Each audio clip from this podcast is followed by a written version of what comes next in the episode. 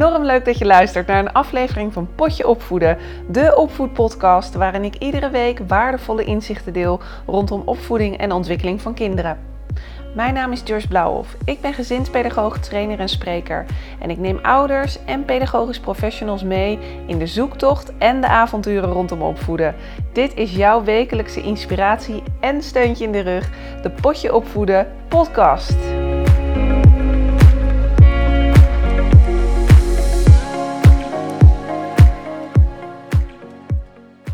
Hey, wat ontzettend leuk dat je weer luistert. Ik ben ja, gewoon heel erg dankbaar. Ik vind het leuk dat je weer ingetuned bent. Ik vind het leuk dat je de moeite neemt om naar deze podcast te luisteren. En ik ben ontzettend blij dat je mag inspireren met deze kennis. Deze gratis kennis. Want laten we wel wezen, ik heb een gast vandaag voor je. Ellie Zinger. Ik ga in gesprek met Ellie Zinger. En ja, daar ben ik ontzettend blij mee. Ik heb heel erg uitgekeken naar dit gesprek. En uh, ik zat ook na ons gesprek met een ontzettend grote glimlach op mijn gezicht na te genieten van ons gesprek. En tevens wil ik naar aanleiding van mijn vorige podcast over zelfvertrouwen bij kinderen, de podcast waarin ik 10 tips omtrent het zelfvertrouwen stimuleren van kinderen heb gegeven, wil ik je ook danken voor je reactie. Want via social media heb ik de reacties mogen ontvangen en ook e-mails uh, heb ik gehad. En ja, dat vind ik ontzettend, uh, ontzettend leuk. Dank je wel daarvoor. Ik kreeg van een aantal volgers de vraag of ik weer ging starten met een online mastergroep Pedagogiek op de werkvloer. Voor de mensen die mij al een tijdje volgen weten dat ik een aantal maanden terug met een unieke online mastermind groep ben begonnen, Pedagogiek op de werkvloer. En met gelijkgestemden. In de groep zitten nannies, pedagogisch medewerkers en gastouders door heel het land. En het doel is van deze webinarserie om pedagogische kennis naar de next level te brengen. En ik kan je vertellen, ik geniet er ontzettend van. En de vraag kwam, Joyce, ga je nog een groep starten en wanneer ga je het weer doen? En ik kan je vertellen, ik ga weer een groep starten.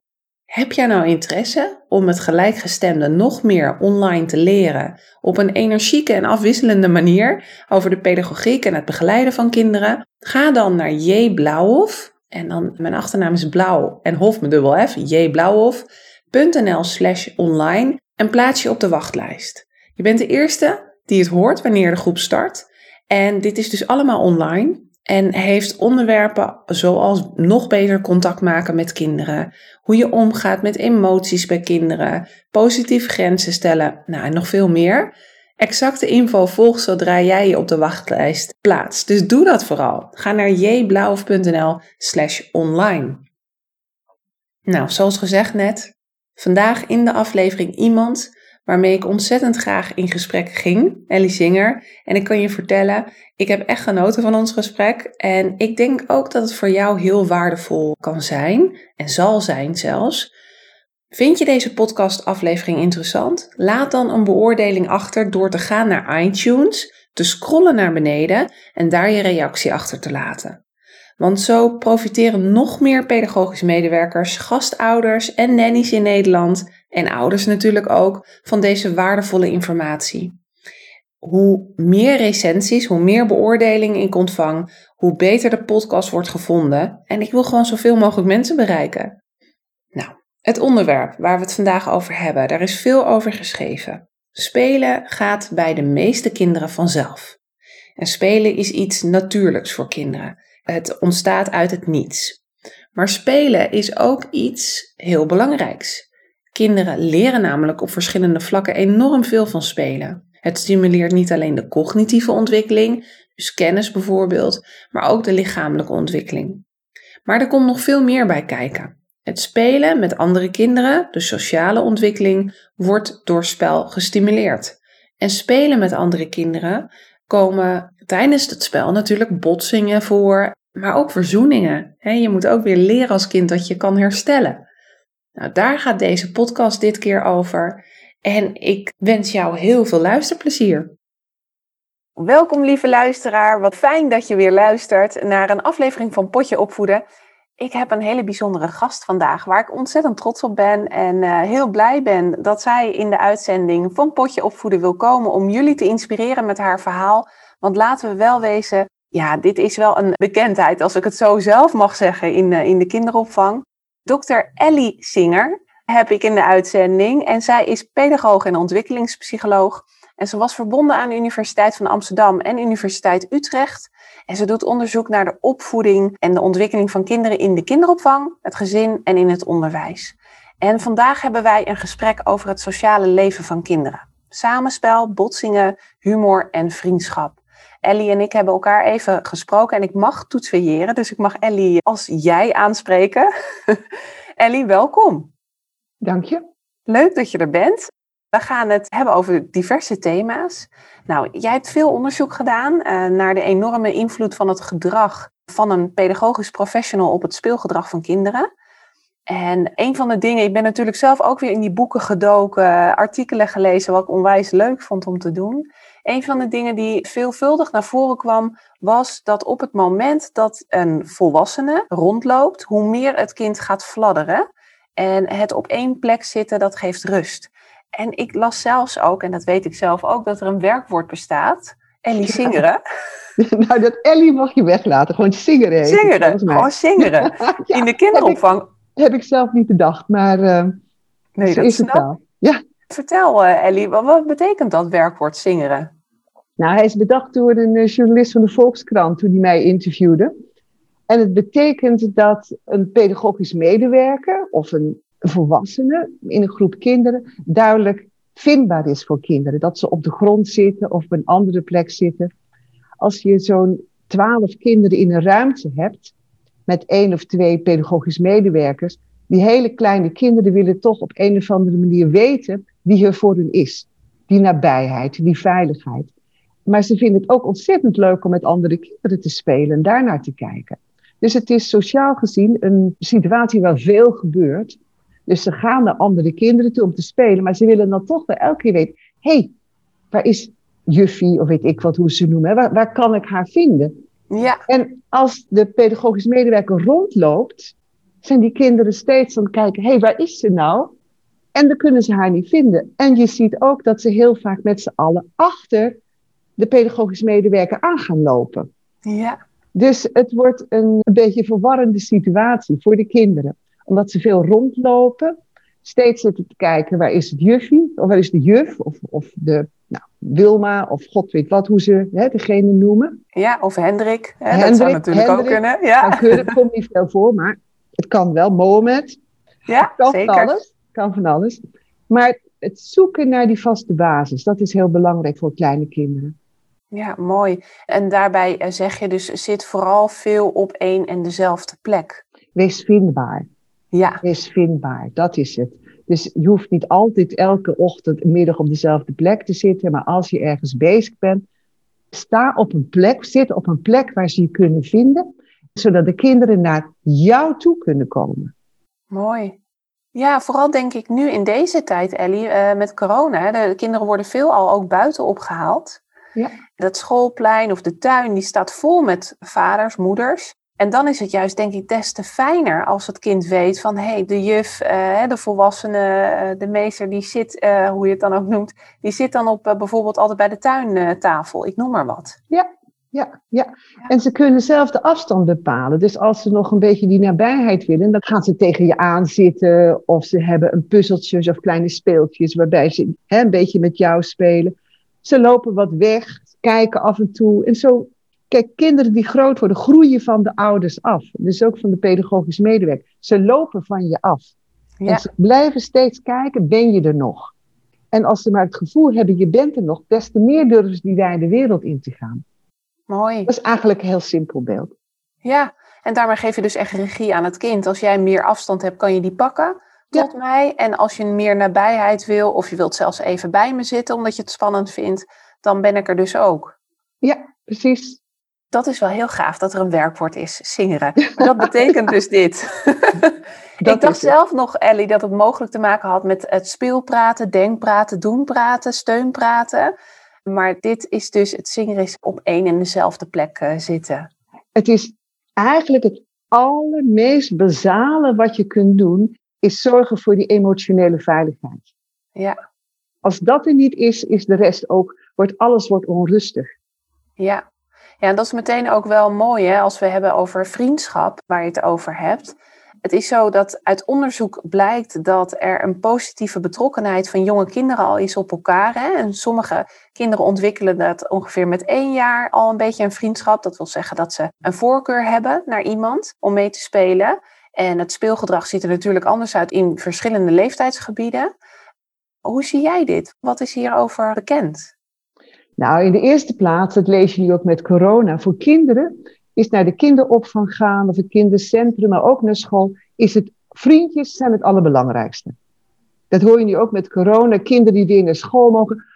Heerlijk, eindelijk weer niet alleen achter die laptop bij je vriendjes. En het is eigenlijk al bij die allerjongste kinderen ook, dat als je, nou ja, eenjarige kun je niet vragen, maar zeker drie, vierjarig, als je vraagt waarom ga je graag, is vanwege hun vriendjes, om te spelen met hun vriendjes. Dus voor mhm. kinderen is, zijn die contacten heel erg belangrijk. En ook vriendschap, naarmate je vertrouwd met elkaar raakt, kun je ook beter met elkaar spelen.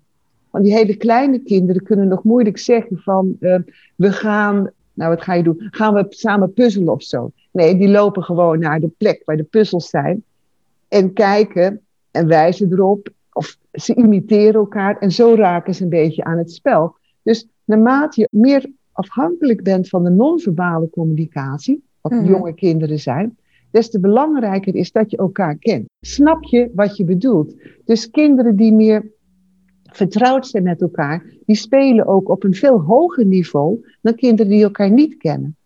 Ja, en kan er dus ook echt verdieping van spel plaatsvinden? Ja, zonder meer. Ja, zonder meer. Ja. Dat is toch wel heel bijzonder. Ik weet dat er ook onderzoeken zijn dat jonge kinderen al snel geneigd zijn om te denken aan de ander. Hè? Onderzoeken in altruïsme, dat prosociale gedrag echt al uh, in het kind zit, hoe jong het ook is. Maar wat je zegt vind ik bijzonder dat op het moment dat ze nog niet veel verbale taal gebruiken, dat die non-verbale taal des te belangrijker is en dat ze dan elkaar goed kennen. Dat dat wel dus een vereiste is om elkaar daarin te kunnen vinden. Ja, precies. Ja. Ja, en ook een basisstructuur in de groep die herkenbaar is voor de kinderen. Ik bedoel dat er een soort met dagritme is, flexibel natuurlijk, niet een wap wap, maar zeker gentle. Hè? Dus een, een, een leuke dagritme, wat rituelen, dat kinderen ook kunnen anticiperen op wat er gaat gebeuren en met elkaar daar ook in meegaan. Dus ook, ook mhm. het vertrouwen, elkaar kennen, dat non-verbale, met daarbinnen speelsheid. Ik denk dat dat wel hele belangrijke ingrediënten zijn om een fijne sfeer in de groep te hebben. Ja, vooral dat speelsheid. Dat je ook durft een beetje mee te gaan met het kind binnen de kaders. Hè? Dat zorgt ook voor die positieve sfeer natuurlijk. Ja, ja klopt. Ja. En als we dan kijken, want volgens Piaget, ontwikkelingspsycholoog, uh, leren kinderen ontzettend veel dankzij botsingen. Hè, bijvoorbeeld dat andere kinderen of volwassenen een andere mening of wens hebben. Ze leren dat de wereld anders in elkaar zit. En dat is ook de motor om ja, inzichten te leren en dat egocentrisme, dat iedereen denkt zoals jij, te overwinnen. Dus het kunnen geweldige ja, leermomenten zijn, belangrijke momenten in het ontwikkelen van sociale vaardigheden. Heb jij daar onderzoek naar gedaan? Wat is daarover uh, bekend? Uh, ja, we hebben er vrij veel onderzoek naar gedaan, naar uh, allerhande conflicten en botsingen tussen kinderen. Het was dan vooral bij kinderen van twee tot vier jaar, maar ook collega's van mij hebben dat ook bij oudere kinderen gedaan.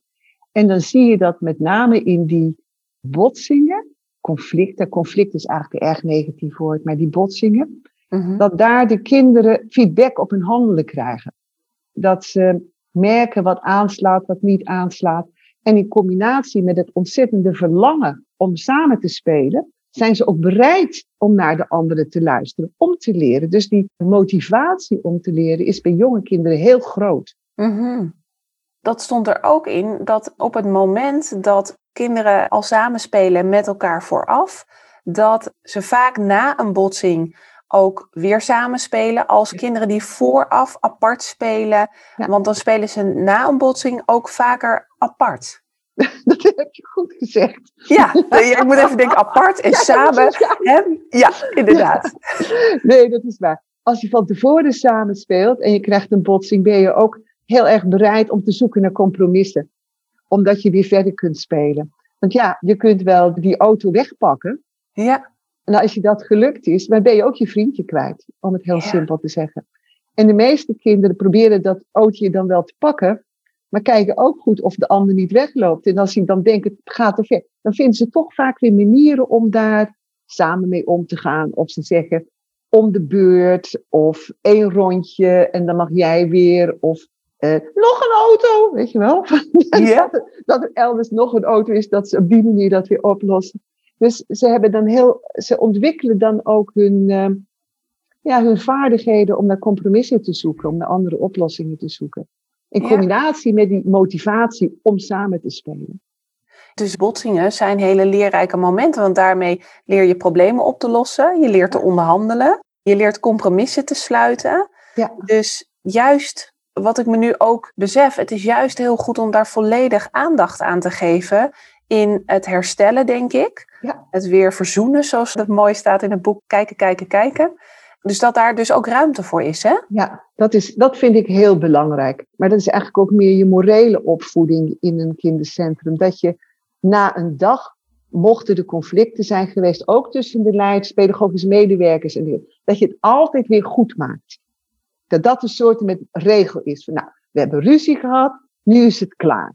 Ja. Je ziet soms dat ze handjes geven of dat ze een ritueeltje hebben. Of, nou, dat is dan misschien wel zo niet helemaal gemeend. Maar het maakt niet uit dat ze een soort met uh, leren van meet af aan.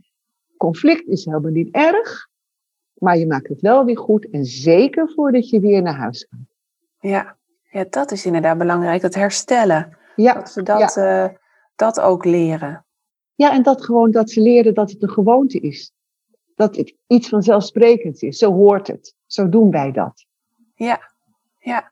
En in het licht daarvan, wat dan ook mooi is, vergeet niet die kinderen eromheen. Hè? Want het is zo, ja, het, weet je, het zijn mini-dorpen altijd, vind ik, die groepen. En dit is ook de kracht van de kinderopvang. Eh, dat kinderen dus leren onderhandelen, problemen oplossen, verzoenen, botsingen, dat ze daarin uh, leren. Maar vergeet dus ook niet als twee kinderen een botsing hebben en die pedagogisch professional uh, die staat erbij, die PM'er of die gastouder of nanny, dat er ook oog is voor de kinderen eromheen. Klopt, ja, zeker, zeker. Als er iets is wat heftiger is, dus waar meer harder wordt gesproken of zo, al die kinderen houden op met spelen, zitten met grote ogen te kijken, wat gebeurt hier? En wat doet de pedagogisch medewerker? En hoe wordt het opgelost? Ja, ja kinderen leren natuurlijk heel veel door uh, observeren, imiteren. En daarin is ook een groep natuurlijk een enorme leerschool. Ja. En eh, wat zou je dan willen meegeven aan, uh, aan die pedagogisch professional die luistert en zegt van hoe, hoe zou je aandacht bewust kunnen besteden ook aan die kinderen die het hebben gezien, die mogelijk dus nog ineens bij het conflict betrokken zijn? Nou, kijk, de meeste conflicten lossen kinderen zelf op. En als ze jou nodig hebben, omdat ze er niet uitkomen of erg geëmotioneerd raken of iets doen wat echt niet mag, hè, gevaarlijk is of niet mag, om welke reden ook, is het heel belangrijk om ze te leren hoe je het op kunt lossen. En dat is bijvoorbeeld niet praten van hoe is het gekomen, Mhm. Van wie is de schuldige? Want het is voor jonge kinderen heel erg moeilijk om terug te kijken wat er gebeurt. Kinderen denken vooruit. Die zien, nou, om maar weer bij die auto te blijven, die zien die auto, die willen de auto. Dus ze kijken vooruit. Dus je kunt dan veel beter vragen, wat wil jij en wat wil jij? Zullen we een plan maken? Mhm. Dus door dat ook steeds op een bepaalde manier te doen, zijn het ook manieren die je ziet dat kinderen dat overnemen. Dus dan hoor je ook, je hoort ze ook zeggen, wat wil jij? Wat, hè, dat, is, dat, dat zijn van die hele elementaire regels van verzoening, die je op die manier kunt leren. En dan leren de omstanders ook dat het niet gaat om dat één iemand helemaal stout is of het fout doet of zo, maar dat je weer manieren vindt om samen verder te komen. Wat ik nu zo mooi vind, Ellie, in wat je vertelt, en de, dat ik denk eigenlijk zou het heel fijn zijn voor het kind als er ook steeds een beetje dezelfde zinnetjes worden gebruikt. Ja. Dus wat wil jij? Dat kinderen dat ook kunnen integreren in hun eigen botsingen. Wat wil jij? Dat, dat zinnetje eigenlijk de volwassenen steeds gebruikt. Ja, klopt. Daar heb ik zelf geen onderzoek naar gedaan, maar anderen wel. En die zeggen ook dat juist door eenvoudige zinnetjes de instrumenten voor kinderen worden om daarmee om te gaan. Wat je bijvoorbeeld heel bekend, wat wil jij, maar ook bijvoorbeeld om de beurt. Dat is ook iets dat de volwassenen zeggen dat om de beurt. En het is iets wat kinderen heel snel oppakken. Heel snel oppakken en gebruiken met elkaar. Van, die was van mij, bijvoorbeeld. ze hebben van die, van die zinnetjes en vooral voor sociale regels, maar ook morele regels is het heel belangrijk van slaan? Nee, dat doen we niet. Niet, niet elkaar pijn doen. Dus dat je ook zo'n zinnetje niet elkaar pijn doen. Ja. En door dat steeds te herhalen, gebruiken de kinderen dat ook. En dat geeft ze ook houvast. Ja, ja, mooi. En ik zou zelfs dat uh, zinnetje, hè, niet elkaar pijn doen, ook en misschien zelfs ombuigen naar we zijn lief voor elkaar. Hè, dan, dan is wel weer even de vraag, wat is lief? Hè, hoe ziet dat er dan weer uit natuurlijk voor het jonge kind? Dat zou je dan wel moeten, moeten omschrijven. Maar inderdaad, die hulpzinnetjes, dat is een mooie. Nou ja, en ik denk dat de pedagogische medewerkers de zinnen moeten kiezen die passen bij het karakter van bij henzelf, maar ook bij de groep, bij de sfeer. Mhm. Jij zou bijvoorbeeld kiezen voor dit zinnetje, lief zijn voor elkaar. Ja. Ik zou zeggen, samen plezier maken. Maar het, is, het gaat niet om dat jouw zinnetje beter of mijn zinnetje beter is. Het gaat erom dat je als het ware het zinnetjes zijn die eenvoudig zijn en die uit je eigen hart komen. Nou, en wat ik denk dus ook is, want het heeft ook te maken met waarde. Hè? We gaan het straks ook hebben over humor. Dus dat is een interpretatie van mij, Ellie. Ik kan me voorstellen dat jij dit zegt. Plezier maken, dat staat voorop. Bij mij is het misschien wel weer meer lief zijn, eh, respect hè, met elkaar hebben. Maar ik denk juist ook wel in het licht hiervan dat die medewerkers met elkaar in gesprek moeten gaan. Wat vinden wij een belangrijke gezamenlijke waarde voor onze groep?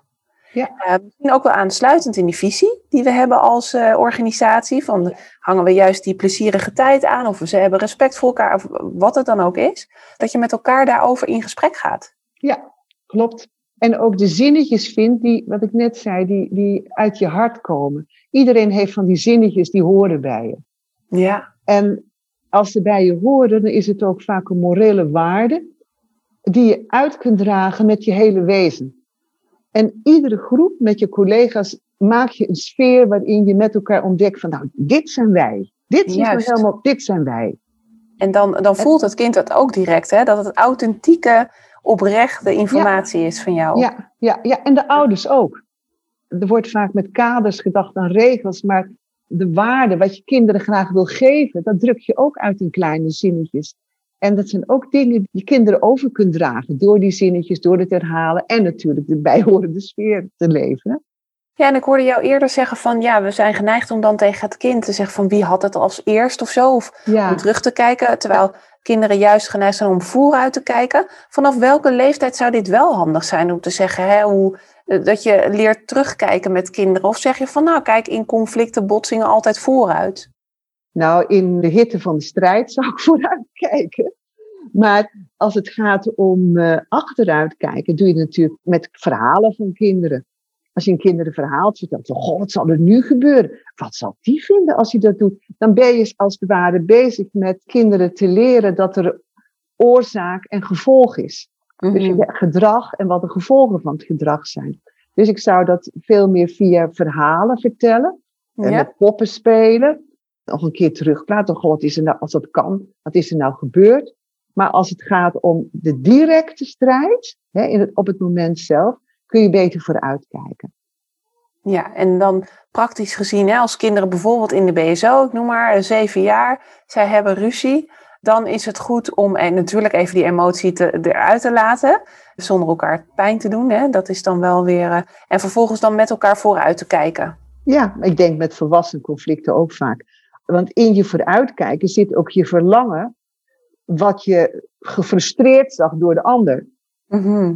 Toch? Als je zegt van, van uh, alweer die simpel, ik wil die auto, die auto wil ik, dan is er iets met die auto gebeurd waardoor je hem niet kon hebben. Terwijl jij wel vond dat je er recht op uit. Het is gemakkelijker om te zeggen: ik wil die auto, dan hij was al heel lang met die auto aan het spelen en toen wilde ik ook. Dat is een moeilijke verhaal. Juist, ja. ja. Nou, wat ik ook nog leuk vind, Ellie, ik heb wat uh, ben de boeken weer even ingedoken, artikelen van je gelezen. Ik zou het leuk vinden om wat wistje-datjes uh, te delen. Ik denk dat het ook leuk is voor de luisteraars om dat te horen. Wat ik een mooie vond, is wist je dat twee- en driejarige kinderen tijdens het vrij spelen 12 botsingen per uur hebben? Dat zijn kleine irritaties en pechjes meegerekend. één ruzie per uur. En dat botsingen tussen jonge kinderen maar relatief kort duren. Gemiddeld niet langer dan 18 seconden steeds moet je denken dat het non-verbale gedrag maakt dat ze dingen doen en dan door een botsing kun je ontdekken van hé, hey, dat is niet zo'n goed plan. Terwijl volwassenen kun je eerst beter kijken, je kunt dingen vragen. Dus we hebben veel meer mogelijkheden om botsingen te voorkomen. Maar die kleintjes die doen iets en ze krijgen meteen feedback. Dat is natuurlijk ook het, het enorm sterke leren wat er is. De leereffecten van die kleine botsingen.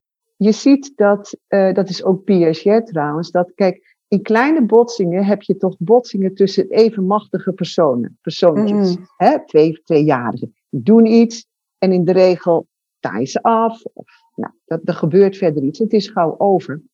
Maar als een volwassene erbij is, dat is een grote machtige persoon. Dus dan krijg je een machtsongelijkheid. Als een kind het gevoel heeft dat iets niet eerlijk is bij een ander kind, is het makkelijker te accepteren dat zo'n grote zegt jij mag hem niet hebben.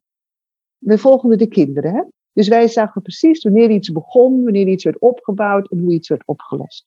Een pedagogisch medewerker is in een andere hoek van de ruimte bezig en hoort opeens gepiep, gehuil of die denkt, hé, hey, er is iets. Dus die gaat erin, maar die weet niet wat er voor gebeurd is. En die denkt, dat lossen we even snel op. Want dan, hè, rustig, geen gehuil, geen geschreeuw in de groep. Kunnen we Begrijpelijk. Willen we niet hebben, we willen door. En dan zie je dat ze heel vaak een snelle oplossing door te zeggen, nou, nu mag jij met deze, jij mag met deze. Of ga maar in die hoek. En je ziet dat die kinderen in 40% van de gevallen hadden wij het idee dat degene die eruit moest, eigenlijk niet degene was die, die het conflict begon. Oh, dus vanuit onze optiek was het in 40% van de gevallen was het gewoon een oneerlijke oplossing. Ja die de pedagogisch medewerker gaf. En we zagen dat heel vaak, juist als de pedagogisch medewerker zich ermee bemoeide, het conflict na een tijdje weer doorging. Want een kind voelt zich oneerlijk behandeld en denkt, ja, uh, gaat toch weer door. Dus eigenlijk zagen we dat de oplossingen van de pedagogische medewerkers over het algemeen minder effectief waren dan die kinderen met elkaar hadden. En ook dus weer uh, het echt zien als leermoment en niet zelf de oplossing aandragen, maar kinderen echt daarin misschien wel elkaar, hè, zoals we net bespraken, elkaar begeleiden bij van wat is nou de oplossing. Ja, ja. ja de pedagogisch medewerker heeft een enorme invloed op de afloop, maar op een indirecte manier. Eerst en plaats door positieve relaties tussen kinderen te beïnvloeden. Hoe meer bereid ze zijn om verder te spelen, om oplossingen te vinden. Door ze manieren te geven. Nou, we hebben het al gehad over om de beurt. Wie had hem eerst? Misschien later. Of elkaar niet pijn doen. Of samen spelen. Je leert kinderen heel erg veel manieren. Maar die leer je vaak meer in de omgang met elkaar, dagelijkse omgang, dan direct bij het conflict. Want dan passen ze toe. Dat zijn voor, de, voor kinderen, de, zoals elk spel, zijn kinderen daarmee bezig om wat ze geleerd hebben toe te passen. En dat is wat ze doen. En af en toe komen ze niet uit. Nou, dan, als je dan meer vooruit kijkt, samen oplossingen vinden, in plaats van dat jij denkt wie wat moet doen, dan leer je ze ook weer voor, ben je weer een, een model van, nee, het gaat om samen oplossingen te vinden en niet om wie de sterkste is.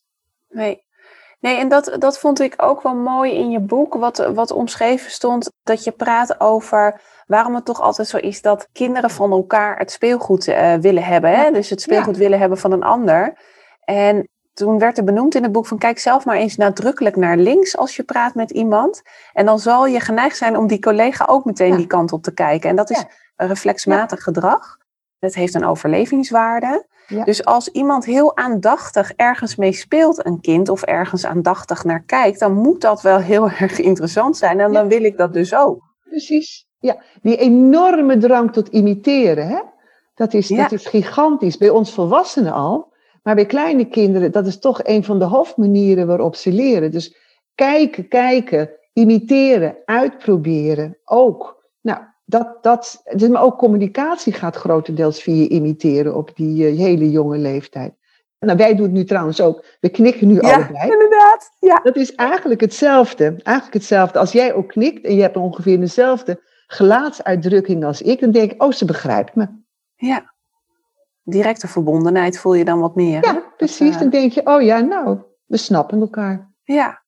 Nou, laten we naar het volgende weetje gaan. Wist je dat kinderen Nou, eigenlijk heb je die al benoemd, Ellie. Wist je dat kinderen, hoe hechter en positiever de relatie, hoe groter de neiging om de relatie te herstellen na een botsing? Ja, ja, ja. Hebben jullie wel eens, heb je wel eens op YouTube gekeken? Er staan altijd van die filmpjes van tweelingen.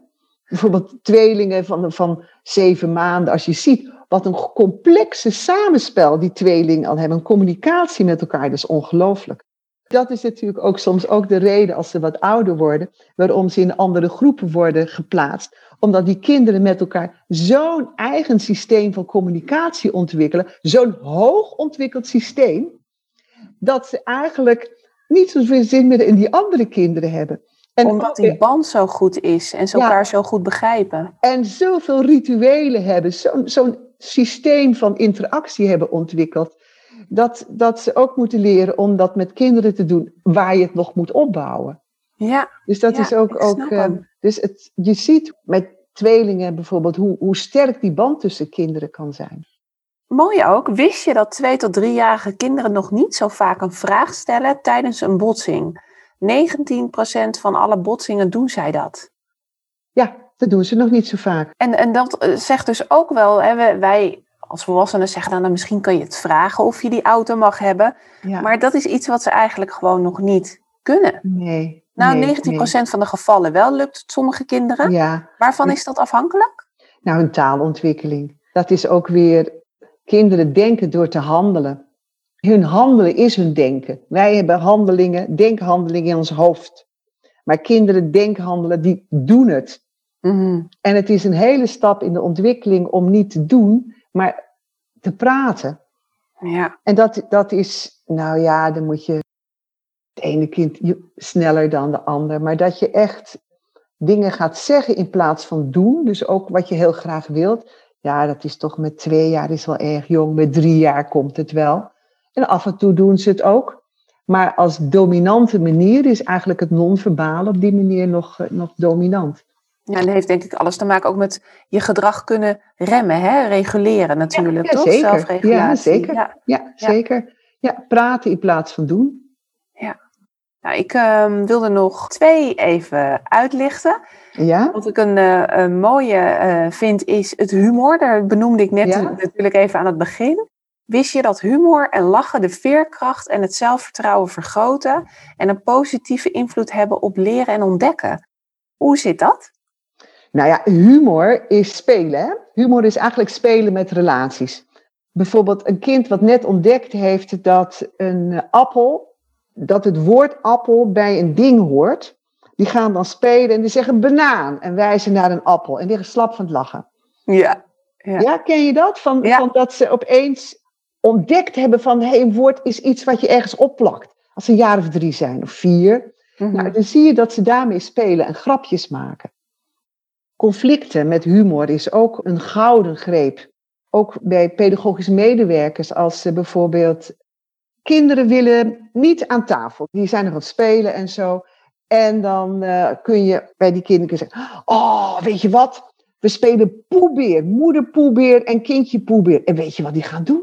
Die gaan lekker eten samen. Zal poebeer iets maken? Nou, dan gaan ze naar die tafel. Ja. Want als poebeer willen ze wel aan die tafel zitten. Maar niet als Maaike of Vera of Amina. Ja, dat is meteen een mooi voorbeeld inderdaad. Uh, gisterochtend uit de praktijk gegrepen. Echt de vroege ochtend. Mijn zoontje had... Uh, ik dacht, oh, als ik nu niet ga ingrijpen... dan verzandt hij in een driftbui. Ik hoorde dat een beetje. Een driftbui. Meer dat hij er dan niet zo makkelijk uitkomt. En hij heeft een nieuw speeltje, de leeuw. En dat is nu zijn favoriet. En toen dacht ik, ik moet iets doen om het gedrag om te buigen. Dus ik pakte de leeuw. En ik ging een gesprekje voeren met de leeuw. Ja. En benoemde, ja, Tijn is een beetje verdrietig nu, leeuw. Uh, heb jij zin dat Tijn aan tafel komt en zijn pap gaat eten? Ja, zullen we het anders samen vragen aan Tijn? En het werkte, Ellie. Ja. Het was, hij ging, maar het was ook eigenlijk gewoon meteen weg. En hij praatte tegen de leeuw. Ja. Dus de inzet ook van een pop of een, of een symbool of wat dan ook, is ook iets wat kan werken, hè? Jazeker. Jouw zoontje was in die emotie. Hè? Hij, hij was de emotie. Hij, Ja. was, hij, was, hij was die emotie. Zodra jij zegt, uh, hoe noemde jij het in jouw voorbeeld? De leeuw De bijvoorbeeld. leeuw, ja. Dan gaat hij uit zijn emotie en dan gaat hij een leeuw spelen. Hij gaat een rol spelen. En Hmm. dat is Vygotsky, zodra, dan ga je handelen volgens een idee. Anders handel je vanuit je emotie, maar dan Ja. handel je vanuit een idee. En vanuit het idee neem je afstand van die primaire emotie. En die kun je daardoor vormgeven. Kinderen die schooltjes spelen, sommige meisjes spelen eh, zusje. En dan spelen ze, gaan ze een rol spelen volgens een script dat ze kennen. Ja, En dan kunnen ze opeens handelingen die ze in het echte leven de zelfcontrole niet hebben. Dus in die rollenspel ga je handelen volgens een idee en kun je afstand nemen van je primaire emoties. ja, En dat is eigenlijk wat je heel vaak met humor ook doet. Doordat je vormen geeft die als het ware een beetje loskomen van de primaire emoties. En daar kun je mee spelen. Daar kun je andere dingen mee doen. Ja, je creëert letterlijk wat afstand, hè? Ja. En Ja, dat ja. is inderdaad wat werkt. Ja, klopt. En je geeft tegelijkertijd niet een afstand die blokkeert, maar ook een afstand die tegelijkertijd ook een mogelijkheid biedt om de emotie te kanaliseren. Want Ja. als leeuw kon hij toch een aantal dingen doen. Ja. Ja, mooi. Het verbindt dus ook inderdaad eh, direct. Ja, ja. Nou ja, en tussen het verbindt, maar ook tussen de pedagogisch medewerkers en kinderen. Als je humor hebt, heb je weer iets samen. Ja, En inderdaad. dan voelt het kind weer, ik word gekend. We zijn weer samen. En ik hoor erbij. En ik hoor erbij en ze ziet me. En dat is in de humor zit die verbondenheid. En dat maakt het ook zo belangrijk als er ook spanningen zijn. Of je wilt iets. Met een beetje humor en speelsheid ga je allebei een andere rol spelen. Je bent opeens weer, je gaat iets samen doen, waardoor het weer fijn wordt. Ja, dat brengt wat luchtigheid breng je er ook in, hè? Ja, ja, en kinderen zijn er dol op. Met, als je met kinderen kijkt, hoe- vaak ook grapjes die ze ook eindeloos doen met poep en pies. En Ik kan weet er nu al om lachen, Ellie. Ja, precies. Ja. precies. Of, of springen, eh, dat ze ergens van afspringen. ha, Of eh, van een Ja. helling afrollen en achter elkaar aanrennen. Ze hebben zoveel grapjes en dingen die ze zo leuk vinden. Nou, dat is een enorme manier voor zelfvertrouwen, verbondenheid, maar ook een enorme stimulans om te leren. In Ja. speelsheid. Ja, want ik denk wel op het moment, en dat weet ik ook, hè, dat, er dat er dan ook stofjes dopamine vrijkomen. En Ja. dat is ook weer een van de beste hulpstoffen om te leren. Dus dat, Ja. ja, Ja, om te Dat- beklijven. ja, ja, inderdaad. En wat ik dan meteen eh, daarop voortbedurend een leuke vond, wist je dat gemiddeld een kind 14 lachepisodes per uur heeft? En dat kinderen meer lachten met elkaar dan met een opvoeder. En ze lachen vooral tijdens bewegingsspel en doen alsof spel. Ja, ja, ja. Nou ja, dat is eigenlijk wat ik net noemde. Kijk, als bijvoorbeeld eh, je hebt een klein een, een stoeptreetje of zo, die zie je die kinderen eindeloos erop en eraf. En lachen en plezier. En, nou, ik wil even meedoen met een kleuter van erop en eraf. Maar ik kan het echt niet tientallen malen achter elkaar. Dat vind ik gewoon niet leuk. Nee, dan denk je, nou, het is wel goed. Ja, Ja, het is wel goed zo. Dus kijk, ze hebben een heleboel dingen die, die zij zijn van hetzelfde ontwikkelingsniveau, waar ze samen giga veel pret in hebben. En ik vind het leuk om er naar te kijken, daar word ik blij van. Maar om te doen, is niet meer mijn niveau, laat ik zo zeggen. Sommige dingen kan ik Ja. ook al lang niet meer. nee. Dus dan kan ik ze ook echt niet nadoen. Dus kinderen, dat fysieke, hè, kinderen zitten ook boordevol energie. En dat fysieke, wat ze met elkaar, dat uitdagen, spelen, ja, het zijn net als jonge hondjes, jonge katjes, vinden ze Gaat maar heerlijk. door. Ja, het gaat, het Ja. gaat maar door. En ook natuurlijk lekker af en toe rust, lekker in je mandje. Ja, dat is zeker ook belangrijk. hè, Ja, nou, af en toe. Ja, Ja, in je mandje, inderdaad. lekker tegen iemand aan liggen. Of alleen, of rustig met een trein spelen, of met je pop spelen, dat je helemaal op kunt gaan. Kijk, al die dingen, die horen erbij. En als je daar een mooie mix van maakt, nou, ben jij gelukkig als pedagogisch medewerker en zeker de kinderen ook. Zeker te weten. En dan bied je eh, hoge kwaliteit, pedagogische kwaliteit de Ik denk opvang, het wel, toch? ja. Dat, eh, ik denk het wel. Ja, ja, ik denk het ik wel. denk als je dat lukt. Mooi, Ellie. Nou, is er nog iets waarvan jij zegt dat zou ik nog als eh, uitsmijter mee willen geven? Of een vraag willen neerzetten? Of iets waarvan je denkt, nou, dat is nog niet aan bod gekomen, maar dat wil ik wel graag meegeven aan de luisteraar? Kijk, je komt altijd voor situaties die niet gaan zoals je wilt. Mhm.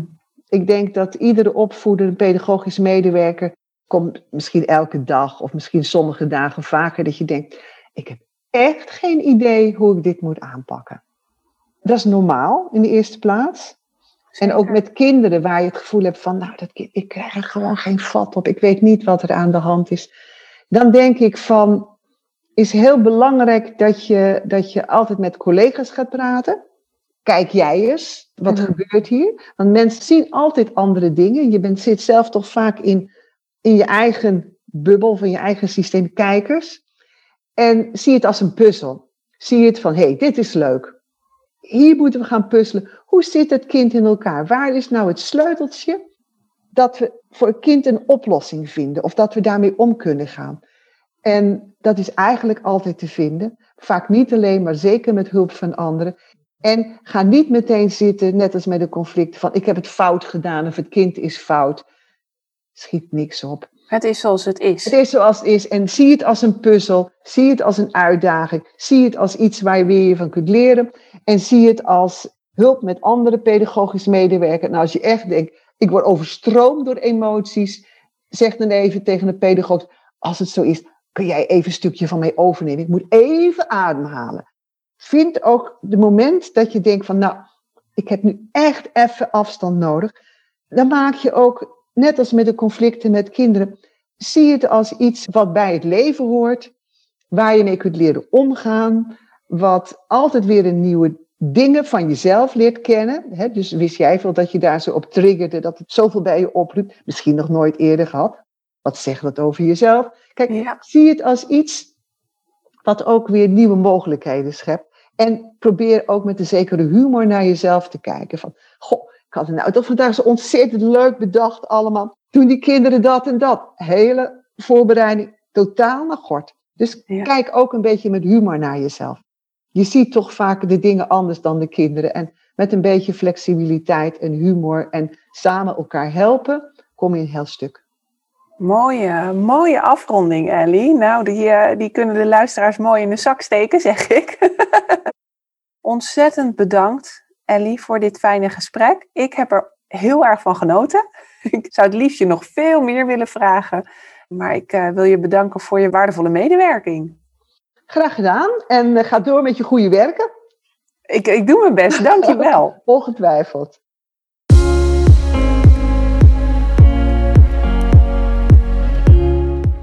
Wat ontzettend leuk dat je hebt geluisterd. Bedankt daarvoor.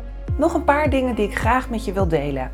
Wil je alle afleveringen overzichtelijk onder elkaar? Abonneer je dan op deze podcast. Klik in jouw podcast-app op de button subscribe of abonneren en je ontvangt dan automatisch een berichtje als er een nieuwe aflevering online komt. Mijn missie is om zoveel mogelijk ouders en pedagogisch professionals te helpen bij het opvoeden van kinderen. En om mijn missie te bereiken, helpt het als jij een review wilt achterlaten via de app waarmee je deze podcast luistert. Ken je nou iemand voor wie deze aflevering interessant is? dan zou het fijn zijn als je hem of haar deze aflevering doorstuurt, door bijvoorbeeld de link te kopiëren in Spotify. Ik zou het ook gaaf vinden als je een screenshot deelt als je deze podcast luistert en deelt via social media. Ik vind het altijd leuk om een berichtje van je te ontvangen, om te horen wat je van deze podcast vindt en of je misschien zelf vragen of suggesties hebt. Stuur mij een berichtje via mijn website jblauwhof.nl. Dat is kleurblauw en hof met dubbel F jblauwhof.nl of via mijn Instagram pagina Joyce Blauwhof. Tot de volgende aflevering!